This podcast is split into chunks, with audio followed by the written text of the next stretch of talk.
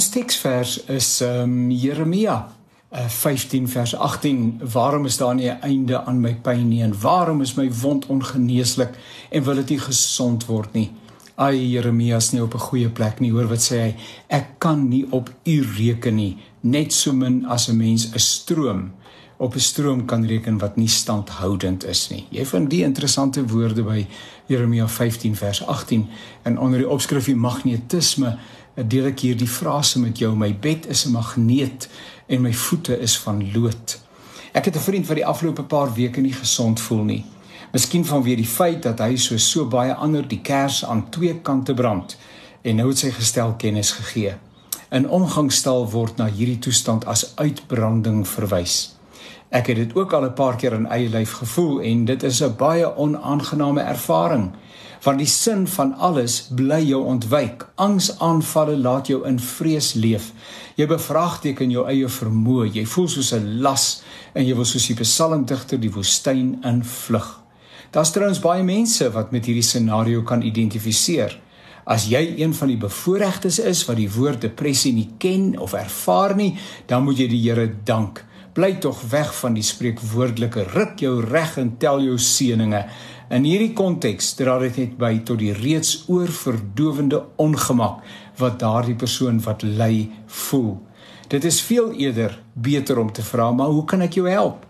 Uh dat jy miskien net bereid sê sal wees om te luister en uh, dat jy natuurlik 'n ware geduldige vriend sal wees. Met tyd, dit was ook met terapie en medikasie, lig die wolk en sien 'n mens weer kans vir die lewe. My besoek aan my vriend nou die dag eh, tydens daardie besoek gebruik hy die frase my bed is 'n magneet en my voete is van lood.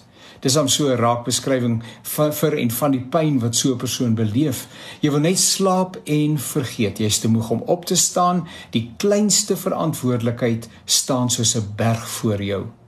Net dalk is dit jou konteks. Elia het ook iets daarvan beleef toe hy die kloue van natuurlik die bose Isebel toe hy daai kloue probeer ontwyk het.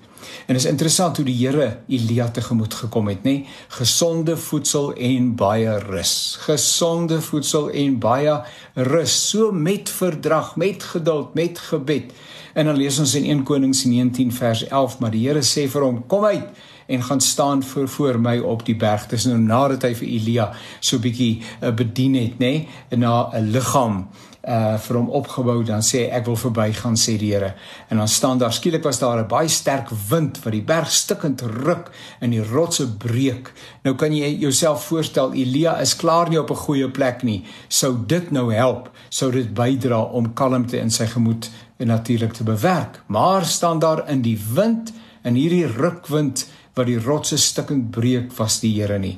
En dan kom daar weer 'n manifestasie, naamlik uh, um, na die wind was daar 'n aardbewing. Uh, maar daar was nie die Here was nie in die aardbewing nie. En na die aardbewing is daar 'n vuur, maar die Here is nie in die vuur nie. En na die vuur was daar 'n fluistering in die wind stilte. Dis hoe die Here kom na ons wanneer ons ook gebroken is en wanneer ons kwesbaar is. Nou, jy het nie die pad byster geraak nie, my liewe broer en suster, as jy kan identifiseer met hierdie scenario. Jy het nie die geloof afgesweer nie en jy het ook nie in jou toewyding verslap nie en moet ook nie die leuns van die duiwel glo nie. Die Here is nie weg nie, hy het jou nie verlaat nie. Hy is nog net so lief vir jou en hy sal jou hierdeur dra. Want daar kom 'n dag dat jy weer gaan opstaan. Maar as daardie dag kom, staan dan op.